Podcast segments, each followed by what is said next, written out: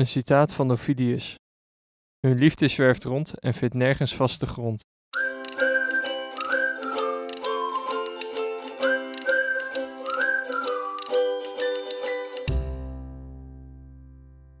Welkom, leuk dat je luistert naar deze negende aflevering van Een Wereld aan Literatuur, een podcast over wereldliteratuur.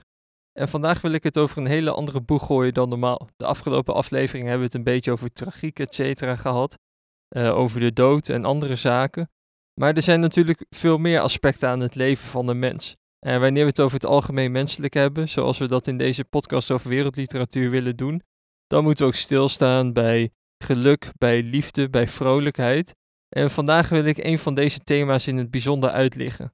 De thematiek van de seksualiteit en van het beminnen. En als we naar de wereldgeschiedenis kijken, zien we dat seksualiteit daar een hele belangrijke rol in speelt. We zien het al bij de zondeval van Adam en Eva, die dan in het paradijs zijn, van de verboden vruchten eten en zich vervolgens verbergen achter bladeren. Uh, op een, een of andere manier bewust worden van hun seksualiteit. We zien dit in de gedichten van Sappho, die op Lesbos allemaal gedichten schreven over erotiek. Die onder andere, nou ja, ik heb hier een dichtbundel van haar, uh, vrouwelijk dichtster, en die heet Eros ontwortelt mijn hart. Dus daar zien we het ook al terugkomen. We zien het terugkomen bij de vroege kerkvaarders, waarin we een bepaalde poging zien om om te gaan met seksualiteit binnen het christendom. We zien het bij Don Juan, um, die door Mozart onder andere op muziek is gezet, uh, in gedicht is voorgekomen, de meeste verleider. We zien het in Casanova, in Marquise de Sade. We zien het ook terugkomen in het lijden van de jonge Werther van Goethe. We zien het terugkomen in de brieven van Napoleon aan Josephine. We zien het terugkomen in de Kreutzer-sonaten van Tolstoy, bij de libido van Freud. Dus op allemaal verschillende plekken doorheen de geschiedenis zien we dat seksualiteit, begeerte, beminnen allemaal een belangrijke rol heeft gespeeld. En dan kunnen we dit zeker ook niet onbenoemd laten in een podcast over wereldliteratuur, over dit algemeen menselijke verlangen. En toch is het altijd een beetje lastig om deze thematiek ter sprake te brengen. Want hoe kunnen we hierover praten zonder dat we vervallen in een soort van moraliseren, zonder dat we misschien allemaal taboes bespreken waar we eigenlijk niet echt naar willen luisteren, waar we niet achter willen graven, waar we liever niet bij stil willen staan. Dus het is best wel lastig om zo'n thematiek als seksualiteit op een neutrale manier te bespreken. En ik weet ook niet of dat mij gaat lukken vandaag. Uh, dat is heel lastig, maar ik dacht toch van ik ga de uitdaging aan om een keer wat anders te bespreken. Niet alleen uh, het verdriet of lijden of iets dergelijks, maar ook zoiets als seksualiteit en beminnen vast te pakken. En om dat te doen wil ik vandaag met jullie minnenkunst van Ovidius bespreken. Ik heb hier de vertaling van Micha Kat, die is uitgegeven als Flamingo Pocket bij Ambo Antos te Amsterdam in 2000. En de vertaling is in 1993 gemaakt.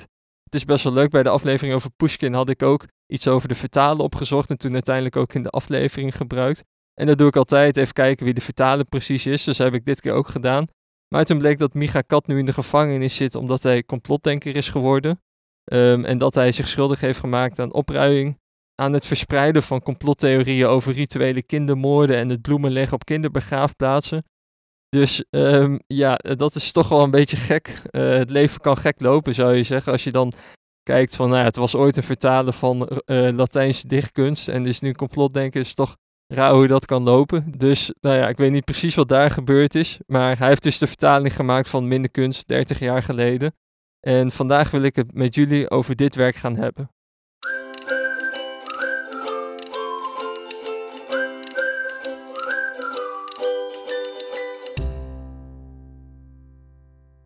We hebben natuurlijk al een aflevering over de Griekse tragedie gehad. En als je naar de Griekse en Romeinse cultuur kijkt, zie je heel veel overlap je ziet dat er in het Romeinse denken, in de Romeinse cultuur, toch heel veel wordt teruggerefereerd aan de Griekse oudheid, aan de beeldkunst die daar was, de dichtkunst die daar was, um, de vertelkunst die daar was. En het is heel interessant om dan te kijken naar de verschillende dichtvormen die we in het oude Griekenland zien en die we dan in de Romeinse cultuur weer terug zien komen. Dus misschien ken je het wel, de Ilias en de Odyssee van Homerus. Die fungeerde als een soort van nationaal verhaal over Griekenland, wat de Grieken allemaal wel niet gepresteerd hadden in die eeuwen daarvoor. En in Rome ontstond ook de behoefte voor een soort gelijk verhaal. En Virgilius heeft toen het verhaal van Aeneas opgesteld, wat in, heel erg in de traditie van Homerus doorgaat. Hierin staat de held Aeneas centraal en volgen hem eigenlijk in zijn tocht naar Rome toe, waar hij uiteindelijk een beslissende rol heeft gespeeld in de totstandkoming van Rome. Dus we zien daar ook weer een soort van nationaal epos ontstaan in de Romeinse dichtkunst. En waarom kwam dit uiteindelijk? Waarom was die behoefte hier voor zo'n verhaal? We zien, als we dan kijken naar de geschiedenis van Rome, dat er onder keizer Augustus een enorme bloei van de Romeinse literatuur en dichtkunst was. Er was een relatieve vrede onder hem. De burgeroorlogen waren ten einde voor een tijdje. Ehm, en hierin stond er ook ruimte om weer wat anders te doen dan oorlog voeren. Ontstond er ruimte om weer met cultuur en literatuur en dichtkunst bezig te gaan. En in het verhaal van Aeneas zie je hier en daar ook wat propagandistische trekjes. Um, wat het misschien wat dat betreft wel wat minder uh, algemeen menselijk maakt dan de Ilias en de Odyssee. Maar uh, daar gaan we het vandaag niet over hebben. Maar je ziet wel dat er in die tijd van keizer Augustus ruimte ontstaat voor andere dichters om ook hun stem te laten horen. En uiteindelijk zijn daar drie kanonieke dichters uit voortgekomen. Ik heb er al één genoemd, Virgilius. Uh, maar er zijn ook twee andere, Horatius en Ovidius. En vandaag gaan we bij deze laatstgenoemde, bij Ovidius, stilstaan. Het is heel interessant als je naar hem kijkt, dat hij toch op een andere manier dicht dan de andere twee. Virgilius heeft dan echt het verhaal over Aeneas uitgewerkt en die heeft een heel soort heldenepos uitgewerkt, een heldendicht uitgewerkt. Uh, maar bij Ovidius zie je veel meer dat de persoonlijkheid centraal staat. Dat is een heel sterk contrast tussen die twee, dat je daar ziet dat bij Ovidius dat het niet per se om een verhaal van een held gaat, maar om de menselijkheid, om de mens zelf die in dat gedicht wordt aangesproken. En ook geeft hij wat meer van zichzelf prijs daardoor, want in zijn gedichten zie je ook af en toe dat hij in de ik-persoon spreekt en dan vertelt hij ook echt wat over zichzelf. Dus om een voorbeeld te geven uit de minderkunst, daar schrijft hij het volgende, en dan citeer ik. Laat een ander zwelgen in de oude tijden. Ik spreek van geluk een kind te zijn van deze tijd, die goed bij mijn karakter past. Einde citaat. Dus nou ja, je ziet al direct, hij maakt het persoonlijk, hij laat zich spreken, hij laat zichzelf zien in, het, in het dichten. Uh, wat dus heel anders is dan een heldendicht, maar hij kijkt hier in de minderkunst naar de verlangens van mensen. En dat doet hij op een hele luchtige en lichtvoetige manier. Dat doet ook wel een beetje denken aan Pushkin, die ik in een paar afleveringen eerder heb besproken. En uh, die trouwens ook een gedicht aan Ovidius heeft gewijd. Dus dat uh, legt al uit dat er toch een bepaalde link tussen die twee bestaat. Maar ook Ovidius dicht op een hele luchtige en lichtvoetige manier. En hij is heel bekend geworden om zijn metamorfose, waarin hij een soort van overzicht geeft van de Griekse en Romeinse mythologie. En daarom ook een hele grote inspiratiebron is geweest voor heel veel dichters, voor heel veel denkers, om daar hun mythes uit te halen. Maar vandaag gaan we stilstaan bij een ander werk, de minnekunst.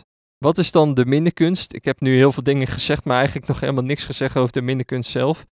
Nou, de minnekunst is een leerdicht. En dat is een specifieke dichtvorm. Ik heb al net gezegd, epos, dat is dan uh, wat we zien bij Homerus, bij Virgilius. Dat is een heldendicht. Maar een leerdicht staat dus niet een held centraal, maar gaat het om een bepaalde kunst waarin we ons moeten bekwamen. Dus het doel van een leerdicht is niet zozeer om de lezer te vermaken, maar om de lezer te instrueren in deze kunstvorm. Dus het is de minnekunst, dus dat legt al een beetje uit waar gaat deze kunst dan om. De kunstvorm die hier ter lering wordt gebracht, dat is de kunst van het beminnen. En daarmee gaat Ovidius tegen een hele traditie in, want er zijn wel meer leerdichten geschreven. In de Griekse oudheid was er op een gegeven moment een periode waarin ze veel geschreven werden. Later weer wat minder, maar de Romeinen hebben dat weer opgepakt. En je ziet bij Virgilius bijvoorbeeld een leerdicht, die gaat over de landbouw. Uh, je ziet bij Lucretius, een andere Romeinse dichter, een leerdicht over de natuur. Over de werking van de natuur eigenlijk. Uh, maar bij Ovidius zie je iets heel anders. Bij hem zie je een leerdicht over het beminnen. Over de ars amatoria. Maar dat is toch best wel raar als je dan nadenkt over, ja, kunnen we dan liefde, moeten we dat in een leerdicht opstellen? Kunnen we niet beter de liefde lyrisch bezingen? Dat is wat het voor Ovidius altijd gedaan werd. Er werd geen leerdicht over de liefde opgesteld, want liefde is niet iets wat we moeten leren, maar iets wat we moeten bezingen. En dat is wat Sappho deed, die ik heel kort in de inleiding van deze aflevering heb benoemd. Maar heel veel andere dichters deden dat ook. Die kiezen ervoor om de liefde te bezingen. Maar Ovidius gaat tegen alle conventies in door juist dat niet te doen, maar door een leerschool in verleidingstechnieken op te werpen. En daarmee ontstaat er een bepaalde geestigheid en lichtvoetigheid. Want hij heeft zelf ook wat door, ja, uh, die leerschool van de liefde is wel een beetje dubbelzinnig. Want ja, uh, ik weet eigenlijk helemaal niet of je de liefde wel kan leren. Dat zegt hij ook meermaals in het werk. Dat hij, nou ja, dat hij als meester ook niet alles voorstelt. Maar daardoor ontstaat er een heel leuk mengsel tussen parodie, mythologie en psychologie in dit werk. Want hij gebruikt hier en daar nog wel die mythologische verhalen die je ook in Metamorfose terug ziet komen. En bijvoorbeeld van Icarus die dan naar de zon wil opstijgen, maar neerstort. Maar dat maakt het werk dus heel humoristisch en speels. En dat is heel leuk, want daarmee krijg je een inkijkje in de wereld van Rome. Uh, boek werd toen heel veel gelezen. Was uh, een heel populair werk. Het sprak wel een beetje tot de verbeelding. En het is een inspiratiebron geweest voor veel dichters. Maar hij is de afgelopen jaren een beetje in de vergetelheid geraakt. En het is toch wel zeker wereldliteratuur, omdat het over liefde handelt, over beminnen handelt, over seksualiteit handelt. En dat zijn toch dingen van alle tijden, die het algemeen menselijke raken, die het particuliere overstijgen en het algemeen menselijke raken. Dus we krijgen hiermee niet alleen een inkijkje in de wereld van Rome, maar ook een inkijkje in de wereld van onszelf. Nu nog kort iets over Ovidius zelf, want ik heb nu de minnekunst een beetje kort aangekondigd, ingeleid. Maar natuurlijk hebben we nog niet echt iets over Ovidius zelf gehoord. Hij is geboren nabij Rome in 43 voor Christus. Dus nou ja, net eigenlijk toen een beetje de vrede inkwam dalen in het Romeinse Rijk. Toen was hij rond zijn achttiende. Dus toen kwam hij tot bloei in een wereld van relatieve vrede. Hij was zelf ook niet echt vies van het verleiden. Je ziet dat wel als je naar zijn levensverhaal kijkt. Hij is twee keer gescheiden, heeft een derde keer een vrouw gehad. En is later in zijn leven is hij verbannen door Augustus. En het is nooit helemaal duidelijk geworden hoe dat precies is. Hij noemt het zelf Carmen et Error. En dat betekent dat er een gedicht, Carmen, en een vergissing, een error, aan zijn verbanning ten grondslag ligt. En er worden allemaal speculaties op losgelaten van ja, misschien heeft hij wel een affaire gehad of zoiets, dat dat de vergissing is. Maar het is wel ongeveer duidelijk dat het gedicht wat hier bedoeld wordt, dat dat de minnekunst is. Omdat dit toch op een bepaalde manier over een grens is gegaan. En dat zie je ook vandaag de dag nog. Uh, dit is in de loop van de geschiedenis is het heel vaak in de ban gedaan. De minnekunst is zelfs nog verbrand op verschillende momenten. En in 1930, dus nog niet eens heel lang geleden, is het in de Verenigde Staten voor enkele jaren verboden. Dus het is een best wel controversieel werk. Maar dat was het in die tijd dus ook al een beetje. Of in ieder geval, het wordt opgevoerd als reden voor de verbanning. Ook al zat er tien jaar tussen de publicatie en de verbanning. Dus dat rijst al een beetje de twijfel van, ja, was het niet als een soort van uh, smoes gebruikt? Maar uh, dat tezijde, dat wordt nooit echt helemaal opgehelderd, denk ik. Ja, tenzij de nieuwe bronnen worden ontdekt natuurlijk. Maar Ovidius wordt uiteindelijk verbannen naar Tomis. Dat ligt in het huidige Roemenië aan de Zwarte Zee. En hier geraakt hij in een positie van isolatie. Het voelt voor hem alsof hij in een barbaarse streek is. Toch leert hij de taal daar wel, schrijft hij gedichten in die taal, wordt hij zelfs vrijgesteld van belasting. Dat is wel leuk, dat je heel vaak terugkomen bij uh, dichters zoals filosofen in de oudheid.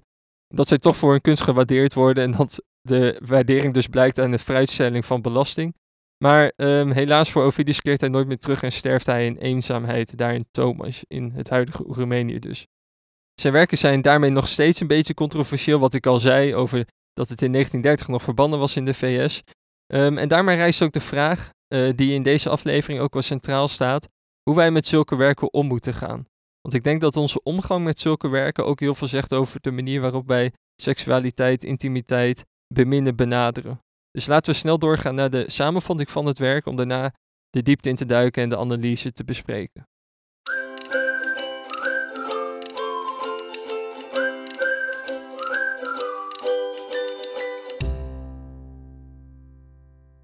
Oké, het werk zelf bestaat uit drie delen: boek 1, boek 2 en boek 3. En in boek 1 staat het versieren van de vrouw centraal. In boek 2 is dat hoe je na het versieren van een vrouw een bestendige relatie krijgt. En in boek 3 staat de vrouw zelf centraal, hoe de vrouw de man kan versieren. Dus je ziet hier al de binnenkunst, het beminnen wordt uh, direct, uh, we worden lekker de diepte ingegooid. Dus het begint ook al als volgt, en dan citeer ik. Ik dicht over veilig vrijen binnen het kader van de wet. Een aansporing tot overspel heb ik nergens neergezet. Je eerste taak is het vinden van de mooie meid, groen soldaat, die voor het eerst meedoet in de liefdesstrijd. Je tweede om het lieve kind ook echt te gaan versieren en zorg er ten derde voor dat de liefde kan gedijen. Einde citaat. Dus daarmee begint het werk. Um, hij geeft al een soort van disclaimer. Het gaat niet over overspel of iets dergelijks. Nou ja, later in het werk lijkt het toch ook wel een beetje die kant op te gaan. Daar komen we zo meteen nog op. Maar wat Ovidius hier wil neerzetten is dus een bepaalde leerkunst, een bepaald leren over het beminnen. En wat volgt zijn daarmee ook dus allemaal tips voor het versieren van vrouwen. En het is heel leuk als je daarnaar kijkt dat ze echt ontzettend herkenbaar zijn voor ons vandaag de dag. Het gaat over hoe we vrouwen kunnen versieren als we ze tegenkomen in het forum, in het theater, in het circus, in de arena. En om je een beetje een impressie te geven van hoe herkenbaar dit is, een wat langer citaat. Maar daar zien we heel duidelijk hoe het versieren nog steeds eigenlijk precies op dezelfde manier gaat. Dat er wat dat betreft niets nieuws onder de zon is. En nou ja, ik, ik eh, geef het citaat gewoon, want het is echt heel leuk om een soort van indruk te krijgen van hoe het toen ging en hoe het nu nog steeds gaat. Ook de races der raspaden mogen je niet ontgaan. Het circus, stampvol volk, heeft je veel te bieden. Daar hoef je niet met vingertaal te flirten van een afstand of een teken te ontvangen door een knikje van haar hoofd.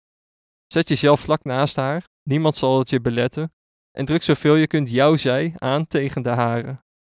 Gelukkig, de krapte op de banken dwingt je of je wilt of niet. Je moet het meisje raken en doen wat jou de plaats gebiedt. Zoek dan naar een begin voor een informeel gesprek en laat wat algemene zaken de allereerste zinnen maken. Vraag haar als een echte fan. Wiens paarden komen daar? En juich direct, wie het ook is, voor de favoriet van haar. Valt er opeens een stofje op de schoot van je vriendin? Zoals vaak gebeurt, sla dat met je vingers weg. En is er helemaal geen stof, doe dan gewoon net alsof. Einde citaat. Dus het is heel leuk als je dit leest, het is een feest van herkenning. Als je dan terugdenkt aan de manier waarop je dat zelf uh, gedaan hebt. Althans, als ik daar aan terugdenk, denk ik van, nou, gaat toch wel een beetje op deze manier. En het is ook heel leuk dat hier met dit beminnen, deze seksualiteit, deze liefde heel luchtig en lichtvoetig besproken wordt. En het boek staat vol met zulke geestige tips en trucs. Um, dus Ovidius maakt daarmee met Van Verleiden een soort van spel. En vervolgt daarmee ook nog over brieven sturen, persoonlijke verzorging, over feesten. En over feesten zegt hij bijvoorbeeld het volgende, dat is ook wel weer heel leuk. Echte dronkenschap is slecht, maar geveinsde kan je helpen. Sla je slimme tong dan dubbel en stotter bij het spreken. Dan kan je als je iets zegt of doet dat de grenzen overschrijdt, zeggen dat de vele wijn van dat al de oorzaak is. Einde citaat. En uh, daarmee eindigt het eerste boek een beetje. Die heeft een soort van trucs gegeven. Uh, op een luchtige manier dit besproken. En dan gaat het door naar het tweede boek. En daar staat het bestendig binden van een vrouw centraal. Dus waar het eerst over verleiden gaat, gaat het nu om het binden van de vrouw. En hoe kan je dat doen? Dan geeft Ovidius weer een aantal tips. Um, ondertussen verweeft hij dit af en toe nog met verhalen uit de mythologie. Maar um, hij heeft het over aandacht geven, over meebuigzaamheid, over cadeaus geven. En over cadeaus geven zegt hij bijvoorbeeld het volgende, wat ook weer heel geestig is. Je hoeft je lief van mij geen kostbare cadeaus te geven. Geef haar slim iets kleins, iets dat heel goed bij haar past. Als de oogsten rijp zijn en de bomen door hun last bezwijken, stuur dan een slaafje met in een mand de lekkernijen van het land. Zeg daarbij dat al dit lekkers net van jou buiten is gekomen, ook al heb je het gekocht op de marktplaats in Rome. Einde citaat. een leuke truc om in de smaak te vallen. Dus dan hebben we een beetje een idee gekregen van het leuke, het geestige aan Ovidius' werk. Uh, heel vermakelijk om te lezen daarmee. Een stuk heel anders dan de meeste werken die ik tot nu toe besproken heb. Dat maakt het ook sowieso wel heel leuk om zoiets een keer te lezen. Um, maar er zitten ook wel wat controversiële dingen aan het werk. Want ik heb gezegd dat het wel verbannen werd, et cetera. Dus dan zou je verwachten, nou als dit er alleen in staat, is het helemaal niet zo heel erg. Maar het gaat door in het tweede boek. En dan kun je, zou, je, zou je misschien kunnen begrijpen waarom Augustus niet zo super blij was met dit werk. Want daar lees je het volgende. En dan geef ik een paar citaten vanuit het tweede boek. Ga rustig vreemd, maar voorkom schuld door je te verbergen. Zaai in haar de twijfel, verhit opnieuw haar lauwe hart en laat haar verbleken omdat ze van jou ontrouw weet. Als ze echt in razernij is en jou als een vijand haat, sluit dan, zo wordt ze zacht, een verdrag middels de daad. Einde citaat. Dus je ziet al, uh, hier worden er toch al minder doekjes omgewonden en gaat het over overspel, over uh, verzoening middels de daad, et cetera. En helemaal aan het eind van het tweede boek gaat het zelfs expliciet over het bedrijven van de liefde. Nou, met daarmee eindigt het tweede boek ook direct en dan komt er een overgang naar het derde boek waar de vrouw centraal staat. Dat is twee jaar later verschenen trouwens, dus Ovidius had eerst alleen boek 1 en 2 gepubliceerd, maar later ook nog een deel over de vrouw aan toegevoegd. En daarin staat centraal hoe de vrouwen de mannen naar zich toe kunnen trekken. En wat dan volgt zijn tips over kleding, over haardracht, over verzorging um, en dat soort dingen. Ik heb al best wel geciteerd, maar het is wel leuk om nog een keer wat te citeren om opnieuw een beetje een beeld te krijgen van Ovidius dat doet. Um, weer een iets langer citaat, maar dat gaat over hoe de vrouwen uh, zich op moeten maken, zichzelf moeten verzorgen. Ik zal jullie haast nog zeggen, je moet okselgeur vermijden en voorkomen dat je benen ruw zijn van de harde haren. Maar ik spreek niet voor wilde vrouwen in de hoge Caucasus, noch voor hen die drinken uit de Mysische rivier. Ik zal ook niet zeggen, blijf goed voor witte tanden zorgen en was met water je gezicht als je opstaat in de morgen. Jullie weten hoe je wit wordt door te poederen met krijt, en wie niet van nature bloost, neemt daarvoor gewoon een zalf. jullie omlijnen je de ogen met zwarte as en zonder schroom, of met safraan van langs de oevers van de heldere Cytnusstroom. Einde citaat. Dus je ziet hier make-up, het opleuken. Uh, je ziet dat al helemaal terugkomen hier in het 2000 jaar geleden, want toen leefde Ovidius. Um, dus wat dat betreft opnieuw vrij weinig veranderd. En dan volgen nog wat meer tips. En uiteindelijk komt er ook toch wel een controversiëler deel. En dit deel, het laatste deel van boek 3, dat gaat echt richting een soort van pornografische omschrijving. Ja, dat, zo, zo sterk is het ook weer niet. Maar zo werd het wel doorheen de jaren vaak opgevat.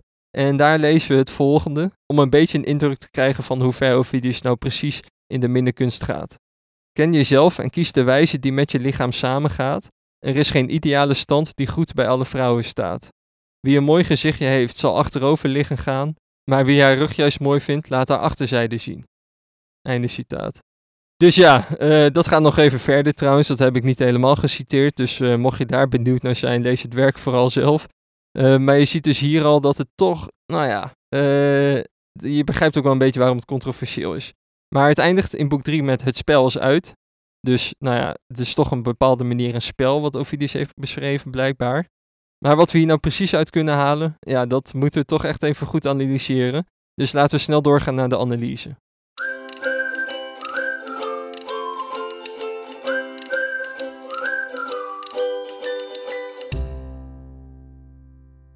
De vraag die denk ik als eerste reis als je dit verhaal hoort, is denk ik, hoe moeten we met zo'n verhaal omgaan? Want dat het een controversieel werk is geweest, dat mogen duidelijk zijn. Er zijn genoeg deels expliciete passages in het werk. Ik heb er een paar voorbeelden van gegeven. Er staan nog wel wat meer voorbeelden in. Er staan ook heel veel geestige voorbeelden in over versieren en heel veel mythologische verhalen. Maar nou ja, er zijn ook best wel veel expliciete passages, dus we kunnen dan de vraag stellen van ja, zet dit werk dan aan tot overspel? Is het misschien zelfs een pornografisch werk, wat doorheen de geschiedenis verschillende mensen beweerd hebben? Ik denk dat dat te makkelijk zou zijn, dat we het werk niet zomaar terzijde moeten schuiven op basis van dat het aan zou sporen tot overspel of dat het een pornografisch werk is. Maar dat we moeten kijken naar wat het precies ons wil vertellen. Want het heet niet voor niets de minnenkunst. Uh, het beminnen staat blijkbaar hier centraal. En beminnen is meer dan seksualiteit alleen. Natuurlijk is dat er een onderdeel van en natuurlijk komt het ook te sprake in zo'n werk. Maar er is toch wel een heel belangrijk onderscheid tussen begeren en beminnen. En ik denk dat om het werk goed te begrijpen, is het ook goed om te weten wat dit onderscheid dan precies is. Hoe we dit onderscheid zouden kunnen aanbrengen.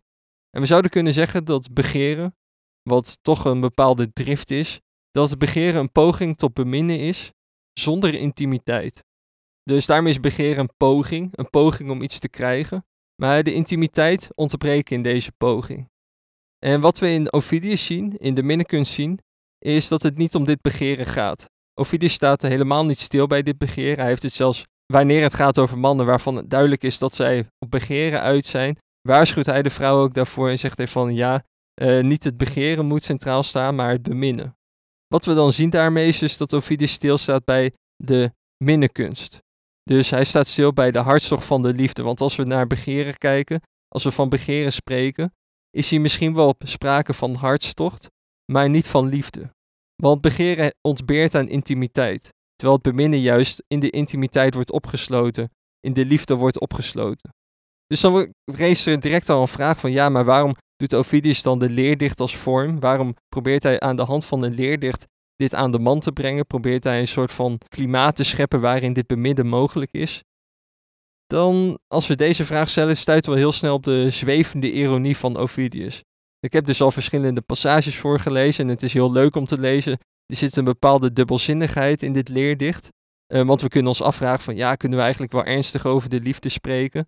Is de liefde een zaak van het verstand? Kunnen we daar dan over nadenken de hele tijd? Laat de liefde zich leren? Dat lijkt mij niet. En het is daarom ook best wel moeilijk om de ironie van Ovidius vast te pakken. Want je hebt soms een methodische ironie, dat zie je bij Socrates, wat ik in aflevering 2 heb uitgelegd. Maar hier bij Ovidius hebben we een soort van zwevende ironie, die best wel moeilijk te pakken is. Die op een bepaalde manier een beetje de draak probeert te steken met uh, bepaalde vormen van beminnen, van bepaalde praktijken misschien zelfs die in Rome gangbaar waren. Maar aan de andere kant wil het ook wel wat zeggen en dat is moeilijk om te destilleren, maar we gaan toch een poging doen. En ik denk dat we hiervoor moeten kijken naar het contrast wat Ovidius hier maakt tussen leerdicht en liefde. Want liefde laat zich niet echt definiëren. We kunnen niet echt een redelijke houding ten aanzien van de liefde innemen. Als je dan bijvoorbeeld terugdenkt aan je eerste jeugdliefde, dan wordt er misschien wel vaak van je gezegd van ja, liefde maakt blinkt of liefde maakt je onredelijk of wat dan ook. Dat je toch op een bepaalde manier door passie gedreven wordt en niet meer helemaal bemiddeld raakt door het verstand. Dus liefde vraagt niet echt om denken, maar om een daad, om een doen. En toch gaat het hier duidelijk om een meer erotische liefde. Kunnen we ons nu heel makkelijk verliezen in een soort van verhaal over naaste liefde of iets dergelijks. Maar het is heel duidelijk dat bij de minnekunst van Ovidius Eros centraal staat.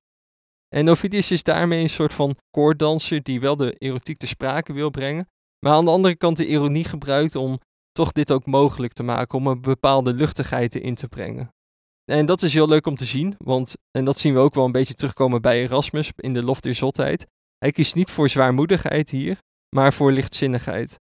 Want in lichtzinnigheid ligt er een opening voor het bespreken van een taboe, voor het bespreken van het taboe wat op seksualiteit rust misschien. En dat is daarmee ook een geniale kunstgreep van Ovidius. Dat er in lichtzinnigheid geen ongemak meer bestaat, dat we daarmee een beetje ons eigen ongemak weg kunnen lachen. Dus zo maken we seksualiteit en beminnen op een verfrissende manier bespreekbaar.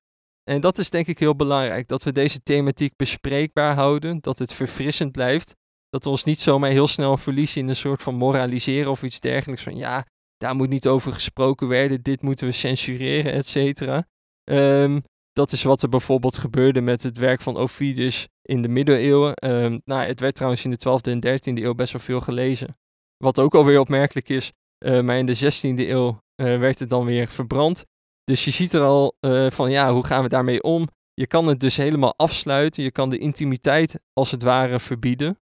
Um, dan kun je ook denken aan de Kreutzer van Tolstoy, waar dit eigenlijk centraal staat.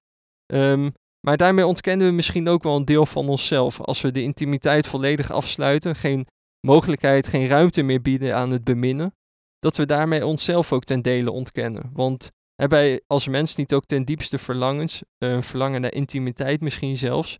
En als we dat dan helemaal terzijde schuiven, kun je je afvragen van ja, is dat hoe we hiermee om moeten gaan?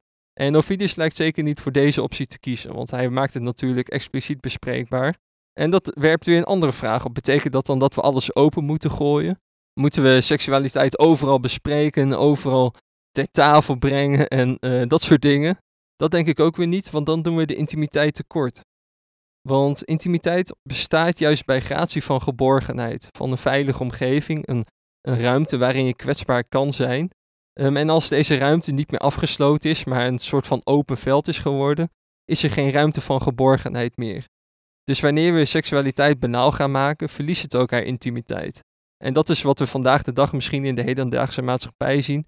Dat er met pornografie ook een bepaalde banaliteit van intimiteit ontstaat. Dat naaktheid banaal wordt en begeerlijk wordt. Want, nou ja, er ontstaat misschien een poging tot beminnen, maar de intimiteit ontbreekt. Dus het wordt begeerlijk hier. En dat is niet wat Ovidius hier doet. Hij maakt naaktheid niet banaal, niet begeerlijk, maar beminnelijk. Dus hij probeert juist een ruimte te bieden aan deze intimiteit. Juist een ruimte te bieden aan dit beminnen. Niet aan het begeren, niet aan een pornografisch begeren, maar juist een ruimte te bieden aan dit beminnen.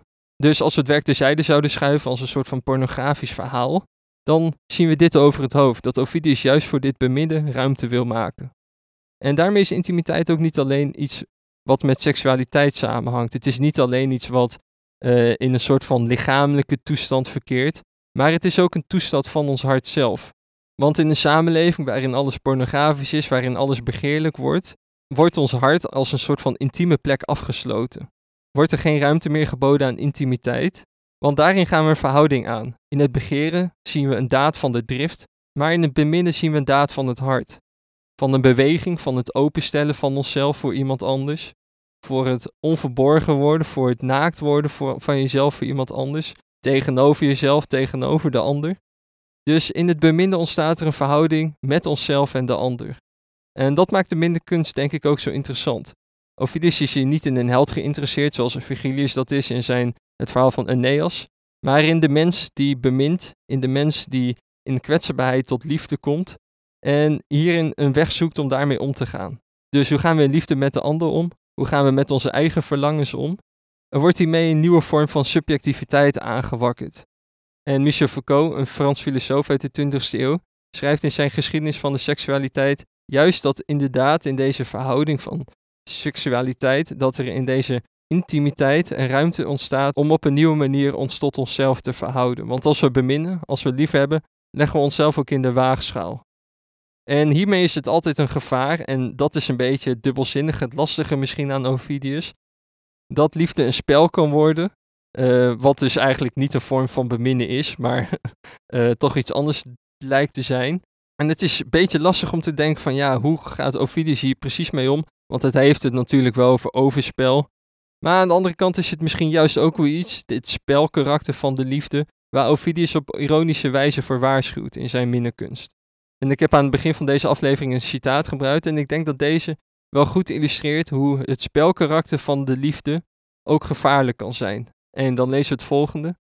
Hun liefde zwerft rond en vindt nergens vaste grond. Einde citaat.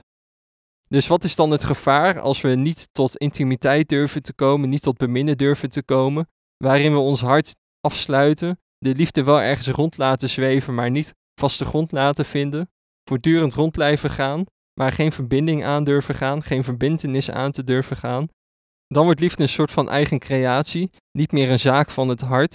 En dan zien we ook niet de ander meer, degene die we lief hebben. Want als we beminnen, als we lief hebben, dan zien we voortdurend ook de ander. Dan zien we niet meer een object van begeerte, niet meer iets wat we kunnen gebruiken ter bevrediging als het ware, maar zien we iets wat we kunnen beminnen. En daarmee vraagt beminnen altijd ook om een verbinding. Dus de vraag is daarmee, durven we vaste grond te vinden? Durven we te beminnen?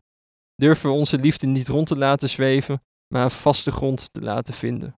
En dat is ook het geniale van Ovidius. Hij maakt seksualiteit en intimiteit op deze manier bespreekbaar. En dat betekent niet dat we het helemaal met hem eens hoeven zijn. Dat we ook zeggen van ja, nou ja, dan moeten we ook maar overspel plegen of iets dergelijks. Laten we dat ook vooral met een korreltje zout nemen, een beetje op de manier waarop hij ook ironisch schrijft. Laten we daarmee ook niet alles letterlijk nemen. Maar laten we wel kijken naar welke ruimte dit opent. Naar een nieuwe ruimte om seksualiteit, intimiteit, om beminnen bespreekbaar te maken. Om een gezonde open ruimte te krijgen, niet een ernstige ruimte, maar in een bepaalde lichtvoetigheid, lichtzinnigheid, toch iets wezenlijks proberen te zeggen over wie we zelf zijn, wat we verlangen en ook op die manier een gesprek aan te gaan met elkaar. Dus daarmee zet Ovidius ook aan tot dialoog, tot gesprek met je partner of andere mensen, om over beminnen, seksualiteit na te denken. En ik denk dat dat best wel een gezonde omgang is, om ruimte te bieden aan deze intimiteit. En nou ja, om het werk van Ovidius af en toe even beter te pakken en te kijken hoe je ook op een leuke, luchtige manier daarvan kan spreken.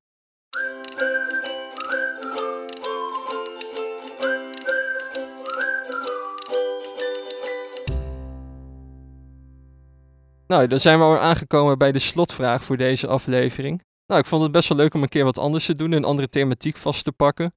Altijd een beetje spannend natuurlijk als je zoiets vastpakt wat iedereen in zijn privésfeer heel erg aanspreekt.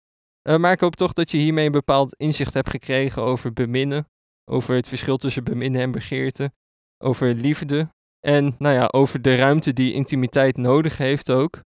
Um, dus Daarmee wil ik ook afsluiten met de volgende vraag en je hier ook de komende week over na laten denken. Geef jij ruimte aan intimiteit?